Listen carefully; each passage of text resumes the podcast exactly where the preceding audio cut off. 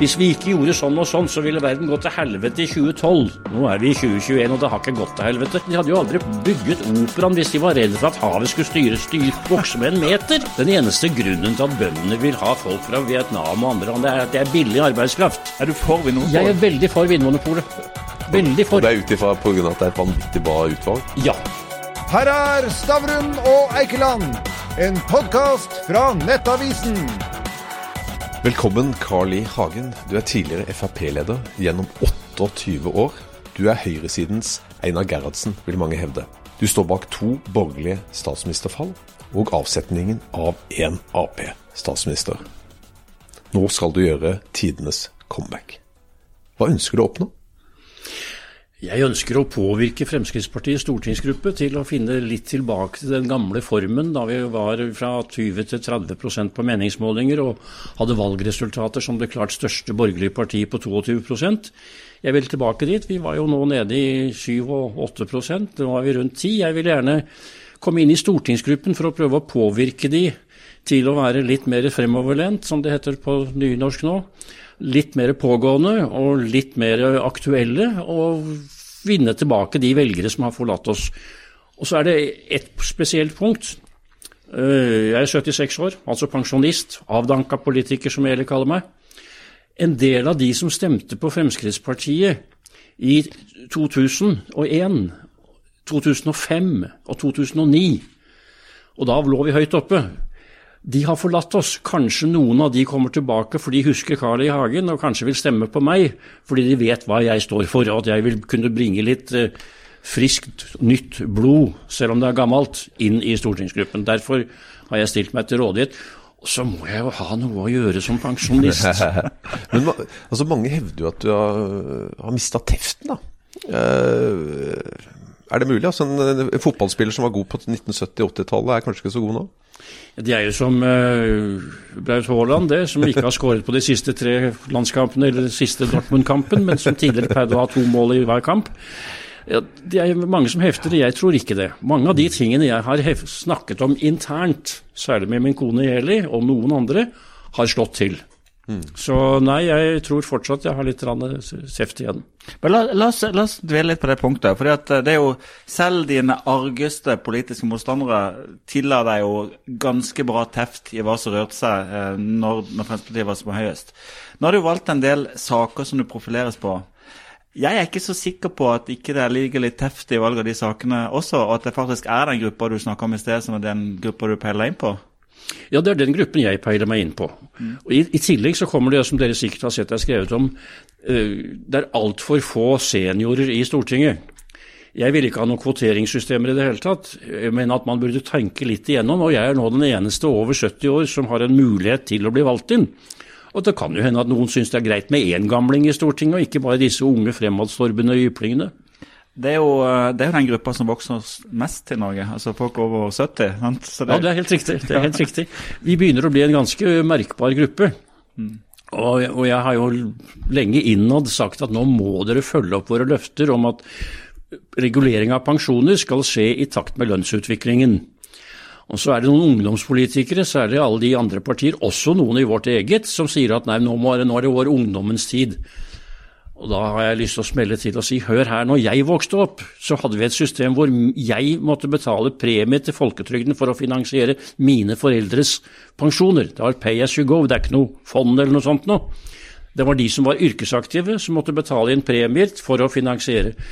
Min generasjon har etterlatt seg et oljefond på 11 000 milliarder kroner. Bare avkastningen innenfor 3 Eh, av oljefondet er nok til å finansiere all alderspensjon i Norge.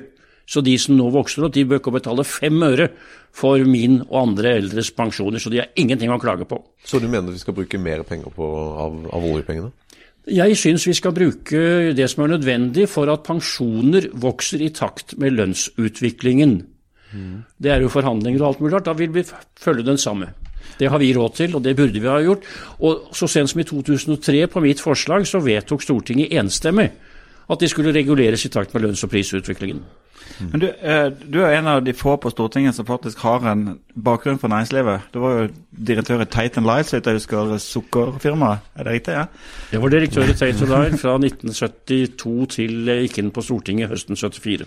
Og da eh, kan jeg bare tenke å spørre, eh, for Det er mye snakk om at din generasjon etterlater nærmest et helvete til generasjonen som kommer. Men så sier du at vi etterlater jo, eller vi da, dere etterlater 11 000 milliarder kroner på bok. Vil neste generasjon har best av, å- av å arve et land eh, som går rundt med et næringsliv som fungerer, eller vil de ha best av å arve en sparekonto i utlandet? Absolutt best av et næringsliv som går rundt og finansierer og sikrer folk ø, jobber. Det er helt avgjørende. Den største ressursen er jo arbeidskraften i det norske folk, som i alle andre land. Det er arbeidskraften som er den største kapitalressurs. Den må utnyttes. Og det er fordi også at arbeid er jo en vesentlig del av livet. Jeg pleier å bruke en person som eksempel på en som da fortsetter å jobbe og stå på og egentlig ikke trenger det, nemlig Olav Thon. Han er vel nå 96, er vel så vidt jeg har hørt sist jeg snakket med han, på kontoret omtrent hver dag, og har med seg matpakke. Altså, Jeg savnet jo det når jeg prøvde å være pensjonist. Så det, Jobben det er ikke et sted bare du skal gå og gjøre noe for å hente penger til å dekke familiens utgifter. Det er en vesentlig del av livet, og det merker jo nå alle de som er på hjemmekontor. Det var greit med en gang, du kunne selv gå og hente deg kaffe og gjøre ting uten at noen så det. Nå er det så mange som savner den praten med kolleger i kaffepausen og matpausen. Altså, de savner det sosiale. Så arbeid er et gode i seg selv.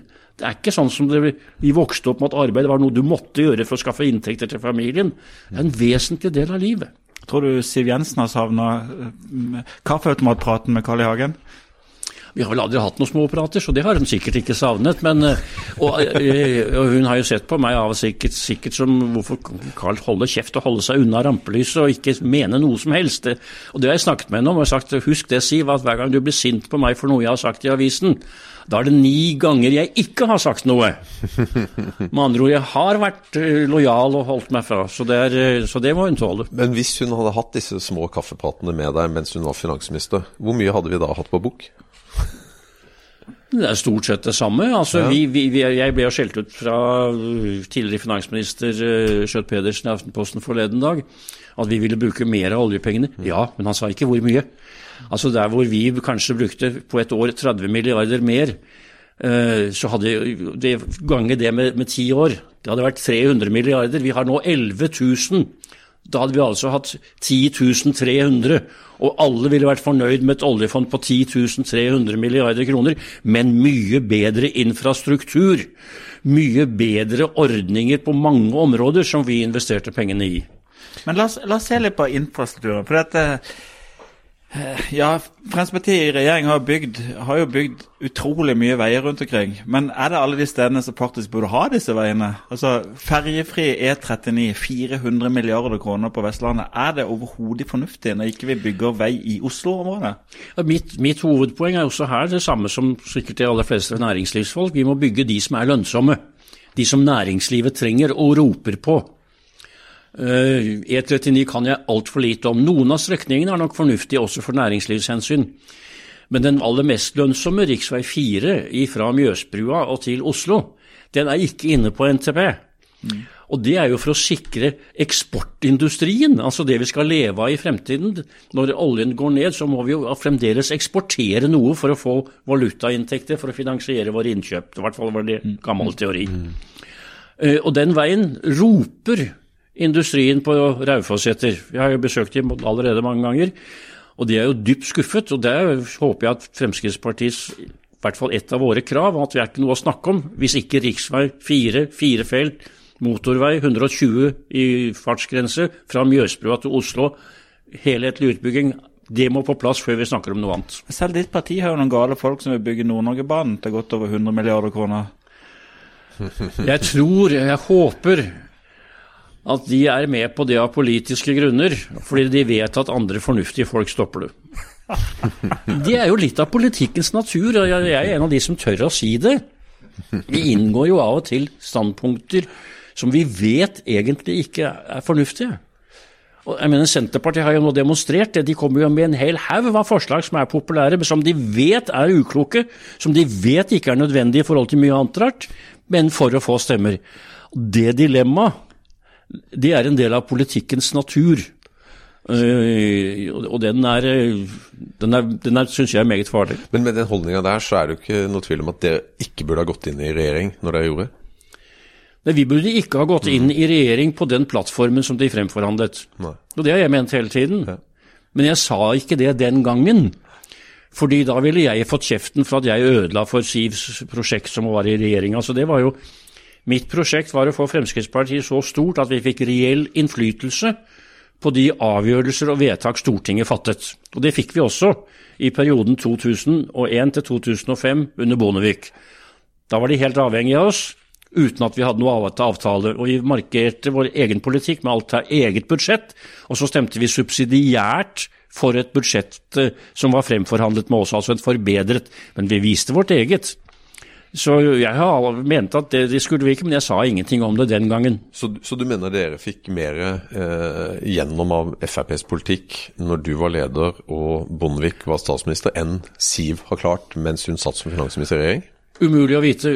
Én ting skal, skal de ha. altså Fordelen ved å ha statsråder og, og, og, være i regjering, er at du får avgjort masse saker som ikke kommer til Stortinget, som ikke har noe i Stortinget å gjøre. Mm. Altså dagligdagse saker. Og der fikk de innflytelse. Der fikk de innflytelse i alle departementene som ble styrt av Fremskrittspartiet. Så det er det som for så vidt er ukjent. Hva er det som avgjøres av en regjering og departementer og statsrådene? Som ikke kommer på dagsordenen i Stortinget, og som ikke er i den offentlige debatt. Der hadde vi reell innflytelse. Mm. Og jeg er ikke imot at vi skal gå være med i regjering, men vi må da ha så mye gjennomslag at vi også Og så må de føre en helt annen uh, kommunikasjon. Mm. Jeg syns, og det har jeg sagt til dem, men jeg vant da ikke frem, mm. En regjering, også, også, den sittende, må si her var det KrF som fikk viljen sin. Her var det Venstre som fikk viljen sin, og vi den gamle. Her var det Fremskrittspartiet. Her tapte Fremskrittspartiet. La være åpen på det. Altså, den, den, store kommunesammenslåingen var jo aldri Fremskrittspartiets store sak. Det var Høyre. Mm. Nedlegge pelsdyrnæringen var noe vi ga oss på at Venstre skulle få en stor seier. Da kan vi jo gå ut og si ja, vi skal stemme for, men vi er rykende uenige. Men fordi vi har inngått et kompromiss med en regjeringspartner, så har vi forpliktet oss. Altså være åpen på hvem som vinner, og hvilke tap man åpent har gått inn på. Bompenger og sånt ja, bompenger er akkurat det samme. Mm. Uh, vi, vi burde ha tatt dissens i regjeringen på mange av bompengeprosjektene og lagt fram vårt eget forslag i Stortinget, hvor vi finansierte det fra statskassen. Og så måtte vi bare si at ok, når vi ikke vant frem, subsidiært, så stemmer vi for noe vi er uenig i, for å sikre at regjeringen fortsetter. Du var helt åpen på det. Men det, det, er jo av og til en lidelse å snakke med politikere som ikke klarer å si klart ut hva de mener. Men du har jo vært så elskverdig at du har skrevet på Facebook hva, som, hva du nå vil kjempe for og kjempe mot. Og Du er jo førstekandidat i Oppland, eh, og der er jo tradisjonelt Senterpartiet og Arbeiderpartiet uh, står sterkt. Uh, hvorfor er du imot alle vindmøller? Fordi vi ikke trenger det. For vi har mer enn nok kraftpotensial i Norge fra vår vannkraft. Vi har en ubebygget reserve i å bygge ut mer vannkraft og modernisere alle våre kraftverk. Der er det jo skatteregler og avskrivningsregler og sånt som har hindret noe som er fornuft. Helt sprøtt. Produksjon av kraft. Vi går med overskudd i kraftproduksjonen vår. Eh, vi burde også sette i verk mye mer forskning og utredning om thoriumkraftverk, altså kjernekraftverk basert på thorium, som vi har mye av i Telemark. Eh, og andre ting. Jeg vil ikke ha verken eh, vindmøller på havet eller i, på land. Og særlig ikke når det er andre land som Kina og India bygger titalls nye kullkraftverk hvert eneste år. Og som dere sikkert vet, altså det at den livgivende gassen CO2, som er helt grunnlaget for alt liv, både alle grønne planter og vår eget liv, og dyr osv., at den skal være noen fare, er helt meningsløst. At det kan ha en, en viss minimal betydning for klimaet, ja, men ikke noe som vi behøver å bekymre oss over. Og nå sløser vi bort uh, også Norge til titalls milliarder kroner på noe som er rett ut av keiserens nye klær. Bare tull. altså, er, er du overhodet ikke bekymra for klimaendringer? Klimaendringer, jo. Jeg bare sier at det har ingenting med CO2 å gjøre av betydning. Klimaendringene kommer, og vi har ingen styring med det. det er, eh, den siste rapporten er jo at nå begynner det å bevise at solas utvikling har den stor, viktigste eh, betydning for klimaet. Hva vi mennesker gjør, har ingen betydning av nevnverdig art for klimautviklingen. Bare se, altså det, det skal jeg utfordre dere. Kan ikke, du, kan ikke dere være så finne, finne fram en del av uttalelsene til de, de rød-grønne, inkludert uh, Høyre, fra 1989, 90, 91, Kyoto-behandling. Hvis vi ikke gjorde sånn og sånn, så ville verden gått til helvete i 2012. Nå er vi i 2021, og det har ikke gått til helvete. Og det har ikke vært noen nevnverdig stigning i temperaturen. Og havene har ikke vokst med 70 cm. De andre prater én ting og gjør det akkurat det motsatte. De hadde jo aldri bygget operaen hvis de var redd for at havet skulle styre, styre, vokse med en meter. De tror ikke på det selv, men de, de er med i dette budet om hvem som har den kraftigste utslippsreduksjonsmålsetning. Det er jo virkemidler som tidligere ikke målsetninger. Men, men altså, du snakker mot sånne folk som altså Sintef, det er NTNU, det er Universitetet i Oslo altså Det er jo relativt uh... Du snakker nå om begreper, ikke mennesker. jo, men de folka som jobber der, de har relativt mye kompetanse. Det er jo ingen mennesker som forklarer dette. Det er Nei. ingen mennesker. Nei. Det kommer Cicero og disse ja. Men Klimarealistenes vitenskapelige råd består av en par og tjue uh, naturvitenskapelige professorer Global Warming Policy Foundation, som ledet, ble stiftet og ledet lenge av Margaret Thatchers finansminister Lawson, lord Lawson nå. Ja. 39 000 vitenskapsfolk undertegnet for en 15 år siden at det er ingen klimakrise. Nå nylig hadde vi The European Declaration med 500 professorer som var naturvitenskapelige, som slo fast det er ingen klimakrise. Det er der du har ekspertisen. Men politikerne, akkurat som i Keiserens nye klær, så lytter de til folk som ikke har noen greie på det. Uh, ok, vi, vi, kan, vi, kan, kunne gått langt inn i dette, men la meg bare markere at her, her, er vi ikke enige. Men, uh, men kvoteflyktninger Du skal jo stille til valg i Oppland. Vi har hytte i Etnedal. Og er det noe som er populært i, i avfolka steder i Norge, så er det å få asylmottak. Det er tross alt arbeidsplasser. Hvorfor er du imot kvoteflyktninger? Da kunne vi jo heller betalt de penger direkte fra statskassen uten de flyktningene, da. Er ikke det vi gjør da med landbruk og sånt i Norge? Jo, jo, men nå, nå, nå tok du opp flyktninger. ja, greit. Det er jo bare en begrunnelse for å få penger fra statskassen til Etnedal. For de får da så og så mye penger og tjener penger på å ha det asylmottaket. Og så vet de som er i Etnedal at når de som er på asylmottaket eventuelt får oppholdstillatelse, så flytter de til Oslo. Eller til Drammen. De blir ikke boende der og går rett over på sosialhjelpen. Nei, Alda reiser de til Oslo, og så får de sosialhjelp og lever på sosialhjelp her. Derfor er jeg imot. Nå har jo SSB sagt for hver flyktning vi mottar, også kvoteflyktninger, så er livsløpskostnaden rundt 20 millioner kroner.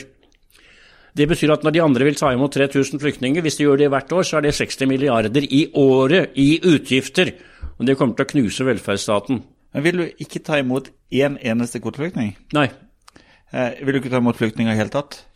Jeg vil ikke ta imot flyktninger, jeg vil heller ha et regulert der hvor det er noen som har kvalifikasjoner som vi trenger og ikke har selv. Altså noe sånn som du har hatt litt i Canada, du har vel hatt det i et par andre land, hvor de er basert på at ja, utlendingene kan komme hit hvis de er kvalifisert. Og vi har jo nå mer enn nok uh, problemer på dette området etter utvidelsen av EØS til Øst-Europa. Det er en av våre største feilene som jeg var med på, dessverre, at vi ikke skjønte at vi skulle hatt en 50-årig overgangsperiode med fri bevegelse av arbeidskraft. Det er jo der vi har hatt all den sosiale dumpingen og undergravingen av det norske arbeidsmarkedet. Eh, men, men, flyktninger, nei. Vi må hjelpe i nærområdene. Jeg vil heller hjelpe 100 000 flyktninger i nærområdene enn å ta 3000 til luksustilværelse i Norge. Bøndene eh, sier at vi får ikke agurker, vi får ikke jordbær hvis ikke vi kan importere folk fra Vietnam eller fra Polen til å gjøre arbeidet. Eh, Eh, hva er din kampsak i Oppland? Skal vi stoppe den arbeidsinnvandringa? Jeg vil si at nå får vi veldig mye arbeidsledige nordmenn. Da må vi lære de opp til å plukke jordbær, og så må vi begynne å kanskje heve lønningene. Den eneste grunnen til at bøndene vil ha folk fra Vietnam og andre land, er at det er billig arbeidskraft. Det er jo det som er grunnen. De vil ha billig arbeidskraft, og det skjønner jeg godt. Enhver arbeidsgiver vil gjerne ha billig arbeidskraft. Men vi kan lære opp også norske, både ungdommer og andre som blir arbeidsledige, til å plukke bær og gjøre tingene. Er det sosial Da hadde det vært bedre med et, la oss si, lønnstilskuddsordning til bøndene, da. Og fått sysselsatt samtidig folk som går på arbeidsledighetstrygd. Det er jo galskap i Norge at vi betaler folk for å ligge på sofaen masse penger. Når vi trenger vanlig arbeidskraft, så var det en bonde som jeg så forleden dag som sa at ja, men de, de har ikke kompetansen. Da, tenkte, da tenkte jeg på gamle dager, jeg. Som 15-åring var jeg fire uker i England og plukka jordbær. Sånn eh, leir for, for ungdom. Der fant altså bøndene ut at vi hadde ingen kompetanse før vi kom. Vi greide å plukke jordbær som bare rakkeren. Og det er klart, det kan en helt vanlig person lære på en uke. Men, men innvandring, det, det har gjort noe bra, ikke sant? Innvandring har jo De har lært oss kanskje en bedre respekt for eldre mennesker. Ja. De ivaretar hensynet til sine egne i større grad enn det vi har gjort, fordi vi har blitt opplært av Arbeiderpartiet til å velte alle kostnader over på skattebetalerne, istedenfor at vi tar det eh, ansvaret selv for å passe på mor og far. Og, og så har det vel også skapt egentlig den Frp-en som er i dag? Altså Uten innvandring og den politikken og diskusjonene der, så hadde vel ikke dere nådd opp i 20 eh, på 80-tallet? Nei, sannsynligvis ikke. sannsynligvis ikke.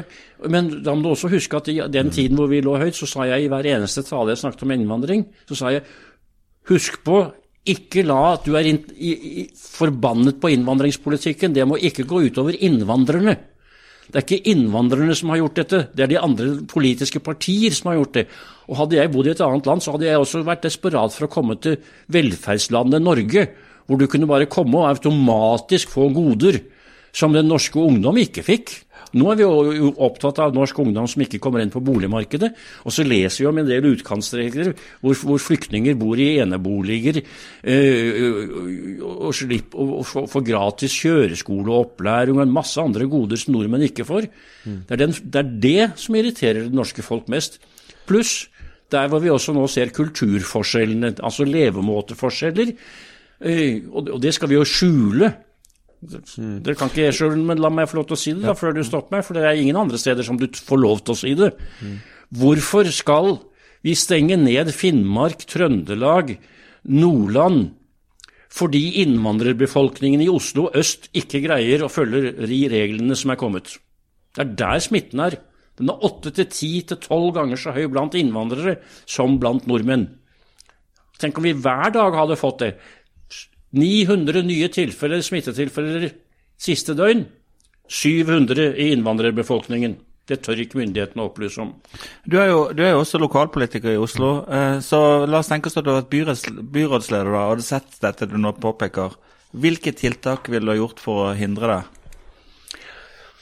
Jeg ville jo lagt om integreringspolitikken for mange mange år siden og sørget for å stille krav, slik at de alle sammen for det første måtte lære seg norsk. Nå snakker vi ikke flyktninger, men innvandrere, fordi der kan du stille krav om at de skal gjøre ting. Hvis det er en flyktning som skal tilbake til hjemlandet, så kan du ikke stille det. At de lærer seg norsk, at de lærer seg norsk kultur, norske regler for skikk og bruk, og at de følger det. Ved at du kartlegger allerede i tre-fireårsalderen hvilke barn som må ha særskilt opplæring i norsk. Og hvis foreldrene ikke kan legge fram et oversikt over hvordan de har tenkt å sikre at sin tre-fireåring kan norsk før vedkommende skal på skolen, så får de i hvert fall ikke kontantstøtte.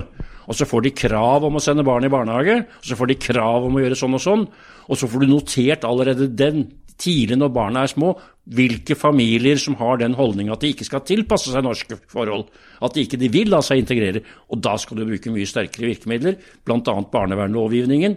Det er en grov plikt på oppdragelsen, syns jeg, Eh, hvis ikke foreldrene kan sørge for at barna kan norsk når de begynner på skolen. og Da skal de få det beskjed om når de er i tre-fireårsalderen. Hvis ikke dere skjerper dere, så mister dere omsorgen for barnet.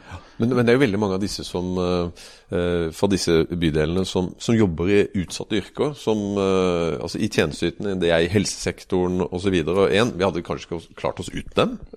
To, de blir jo mer utsatt for, de blir også mer utsatt for, for covid. Og så Er ikke det også en årsak? Det er ikke bare det at de gir F, som du egentlig uh, indirekte sier. Nei, det er overhodet ikke. Det er helt riktig. Mm. Og det skjer i alle land. At de som kommer inn, samme som i bøndene med plukking av jordbær, det, de er på jakt etter billig arbeidskraft. Og det er klart innvandrere har fått av de jobbene som er dårligst betalt. Samme som du har gjort i alle andre land. Det skjer helt, helt åpenbart. Men noen sier at vi kan ikke greie oss uten. Altså, da, da, da, da tenner jeg. Mm. Alle land enten de har 5 millioner, 10, 20 millioner, 80 millioner, vil ha en viss prosent av sine mennesker i forskjellige yrker. Noen må kjøre drosje, noen må kjøre bruss, noen må kjøre trucker, noen må kjøre, kjøre, taxi, noen må sitte i, i kassa på Rema eller, eller Kiwi. Det er den fordelingen du har. Og det er klart, det som skjer, er at når det kommer noen nye som er villige til å jobbe for en lavere penge enn de som allerede er der, så får de jobben, og så går de andre på arbeidsledighetstrygd. Så vi hadde greid oss uten, men da hadde kanskje vi måttet presse opp lønningene til helsepersonell.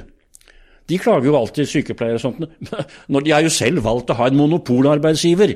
Altså, de, når, Hvordan kan du gjøre når du har en monopolarbeidsgiver som i tillegg kan vedta at dette er lovstridig streik?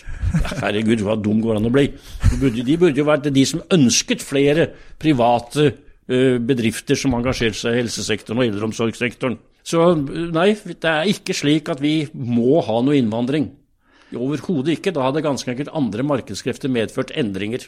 Men, men, men la oss litt tilbake til aktualiteten igjen. Eh, bydeler som Stovner, Grorud, Alna, Bjerke har jo, har jo smittetrykk som er fire-fem ganger høyere enn andre bydeler i Oslo. Og, Og, ja, eh, fem. Men eh, ok, eh, men uansett, eh, hvis du hadde blitt byrådsleder nå, så hadde du allikevel arva historikken. Du kan ikke si at jeg ville gjort noe annet for 40 år siden. Du hadde arva dagens problem. Hva ville du gjort for å få ned smitten i disse bydelene? Jeg kan altfor lite om det, ganske enkelt, fordi jeg har ikke tilgang til de rapportene som sier hvorfor er innvandrerbefolkningen mye hardere rammet av smitten enn de andre. Er det fordi de ikke følger reglene? Altså, da må du spørre de som jobber i de bydelene og som er på de skolene. Da må du få kunnskapen. Og så må du sette inn virkemidler når du har årsakssammenheng. Du må vite årsaken. Men det er i hvert fall meningsløst, syns jeg, å stenge CC Vest fordi det er mye smitte i Groruddalen. Det er ingen fra Groruddalen som reiser til CC Vest for å handle. Det er altså CC Vest, og så etter hvert når man tok Viken også. Fordi vi, vi reiste jo over til Sandvika storsenter når vi skulle handle, og så stengte de den. Helt meningsløst. Du må sette inn virkemidler på de geografiske områder og eventuelt etniske grupper hvor smitten er høy. Og så må du gjøre det basert på kunnskap om hvorfor det er geografisk forskjell, og hvorfor det er. Det er ingen grunn til å stenge restauranter og, og sånt rundt omkring i landet fordi innvandrerbefolkningen på Oslo øst har høy smitte. Men nå holder vi på å vaksinere befolkningen. Du har jo allerede fått nå din første, heldigvis. Ja, første får, ja, ikke sant? Så det er jo bra. Men er det ikke da riktig nå at vi prioriterer de kommunene og de bydelene som har mye smitte, slik at vi får ned smitten uh, fortest mulig der. Hvis, hvis de, de, fagpersonene sier at det vil være, ville virke, mm. så er jeg helt enig i det. Har ikke jeg noe problem med. Riktig. Hva med den, en annen diskusjon som er aktuell nå? Du er jo vaksinert. Allerede med første vaksinen så er jo du mye mindre utsatt for smitte, og også sannsynligvis mindre smittsom. Når du har fått dose nummer to, så er det jo mye som tyder på at du er veldig lite mottakelig for sykdom og smitte. Vil du være, akseptere å sitte innelåst uh, i påvente at sistemann i Norge er vaksinert, eller syns du at folk som er vaksinerte skal få tilbake rettighetene sine? Dette er jo den store debatten som nå pågår, og som det er fine artikler om i Aftenposten i dag, hvor Frank Rossavik skrev veldig, veldig, veldig fornuftig. Min holdning er at vi bør få vaksinepass eller vaksinesertifikat og at man forskjellsbehandler basert på om du er eh, farlig eller ikke farlig. Det er jo massevis av ordninger som er forskjellige fra folk til folk ellers også. Eh, jeg kan ikke ramse opp alt mulig rart, men eh, det er jo den evigvarende tingen fra sosialistene som sier at de rike de har det bedre enn de fattige. Ja, de har det. Nå har jeg lyst til å sitere Anders Lange. Når alle har lyst til å bli så rike, hvorfor er det så gærent at noen har greid det? Er det slitsomt å bli kalt rasist? Som du ofte har blitt? Nei, det ler jeg bare av. Så lenge jeg kan se meg selv i speilet og vite at jeg ikke er rasist, og jeg har ikke drevet med noen forskjellsbehandling basert på hudfarge eller rase, jeg kan gjøre det på kultur. Eh, og jeg kan gjøre det på eh, Ikke på religion, for jeg anser ikke islam for å være en religion, men for å være noe helt annet. For det er en politisk ideologi. Eh, men det er 15-20 år siden jeg sluttet å ta meg nær av alle mulige. Jeg er sammenlignet med alle verdens verste massemordere, altså Hitler, Mussolini, Stalin, Mao Uh, om det er flere. Men uh, alt det stygge som kan sies om noen, har vært sagt om meg, så det tar jeg med knusende ro. Ja, for du, du legger jo litt opp til det. for jeg tenker sånn, du, eh, Blant annet på Facebook så skrev du at uh, de kommer alle fra muslimske land. Og da har, du- eh, viste du det til de Men det er jo en faktabeskrivelse! Ja, ja, ja. Herregud, altså, du kommer en oversikt over de land med høyest grad av smitte i Aftenposten, og så går du gjennom de, og så ser du faktisk at alle de som er på topp i den listen, bortsett fra ett, er muslimske land. Jeg bare påpeker fakta. Mens de andre politikerne skal være så politisk korrekte. De skal jo skjule fakta for befolkningen, og det er ikke jeg med på. Var det en stor skuffelse for deg at en av dine nærmeste ble sjef for Vinmonopolet? Overhodet ikke. Overhodet ikke. Og hun gjør en glimrende jobb, og hun gjorde en glimrende jobb da hun var administrerende direktør i Boots Norge og Sverige samtidig. Eh, Jeg er veldig, veldig stolt av min stedatter. Hun sier at det er litt vanskelig å diskutere politikk med Carl. Vi diskuterer ofte politikk, og vi har ingen problemer med det. Og vi er av og til veldig enige, og av og til rykende uenige. Men uh, Det setter jeg veldig pris på. Jeg har ikke noen problemer. Jeg har jo en søster, storesøster, som er professor, var professor i mm, historie, og SV-er. Ivrig SV-er. Vi, diskuterte ofte på hytta og sånt i ungdomstiden politikk, men vi lærte oss veldig fort å si ok, her får vi være enige om at vi er uenige. Ferdig med det, og så er vi like gode venner. Nå er det ikke lenge til eh, landsmøtet i Fremskrittspartiet. Når du spør om Vinmonopolet, la meg legge det Dette er et av de områdene jeg har endret oppfatning, og det har ingenting med den nåværende sjefen å gjøre. Uh, Er du for jeg er veldig for Vinmonopolet. Veldig Og det er ut ifra pga. at det er et vanvittig bra utvalg? Ja. Exactly. Nå er, det, nå er det et vanvittig bra utvalg, fordi du har en monopolsituasjon. Hvis vi flyttet vin inn i Rema og Kiwi, så vil store deler av kjøpene som vanlige folk har, inkludert meg sjøl, gå der og handle. Da vil det ikke være mulig økonomisk, bedriftsøkonomisk, å beholde det kjempesortimentet som du har. Min anklage mot Vinmonopolet, da jeg tok det opp i allerede på 70-tallet og 80-tallet, var hvorfor skal det en som bor på Dombås måtte reise til Lillehammer for å kjøpe en flaske rødvin? Nå er det pol på Dombås. Og det samme gjelder hele landet. Nå er det tilgjengelighet overalt. Altså en veldig Etnedal, ja, de må kjøre til Fagernes, men det er ikke så langt. Nå har vi vinmonopol over hele landet. Jeg har vært på, på Jeg er Dombås. imponert at du visste at ikke det var Vinmonopol på, i Etnedal. Det var, jeg så det i hvert fall ikke da jeg var der. Det er riktig, det. Men, men så, altså, vi, vi har nå et pol i nærheten av hele befolkningen, og vi har et fantastisk varesortiment som du ikke har i andre land. I Spania så går jeg jo på no- normale supermarked og kjøper vin og, og, og musserende. Og du kan kjøpe whisky på bensinstas- bensinstasjonen, og det er ikke noe mer fyll der, tvert om nesten. Eh, Men nå har vi et system som virker. Altså, jeg er veldig godt fornøyd med. Akkurat her kan vi være enige om at vi er enige. Er faktisk- vant jo nå en sånn omdømmepris, til og med. Så det var min stedatter veldig godt fornøyd med. Men eh, om ikke så lang tid så blir du vaksinert eh, med dose to. Eh, og du er jo glad i Spania. Eh, da kommer det en tøff prioritering. Skal du være hjemme i Norge og drive valgkamp i Oppland, eller skal du være i Spania? Svaret er ja takk, begge deler. Det er Ole Brums svar. Eh, Av hensyn til å holde forholdet til min kone sånn noenlunde ved like, så må jeg ha noe tid i Spania. Og jeg har også tidligere sagt at det er ikke nødvendig alltid å plage folk i juli måned når de er på ferie med valgkamp. Eh, Men jeg skal drive en aktiv valgkamp. Nå, jeg bare venter på at vi får noe lettelse, for jeg har jo planlagt å reise litt rundt og hilse på ordføreren i Oppland. Gjerne ha noen journalister med. Så spørre hva er hovedutfordringen i din kommune. Da kan ordføreren få fram det i det offentlige rom, og jeg får kunnskapen. Eh, Så det tror jeg er en god idé. Så jeg tenkte å reise og hilse på bedrifter og spørre om hvilke utfordringer de har, og dele ut brosjyrer og sånt noe. Men det er jo ulovlig. Jeg, jo til, jo, jeg kan jo ikke ringe en ordfører og be om et møte. For da er det liksom korona med en eneste gang. Vi skal jo ha færrest mulig møter, færrest mulig møte andre mennesker. Så jeg venter jo bare på at jeg kan sette i gang. Eh, apropos møter, det er jo en måned til så det er lands, eh, landsmøte i Fremskrittspartiet. og Der stiller jo Sylvi Listhaug som ny lederkandidat. Eh, får hun din stemme? Ja, hun får min stemme.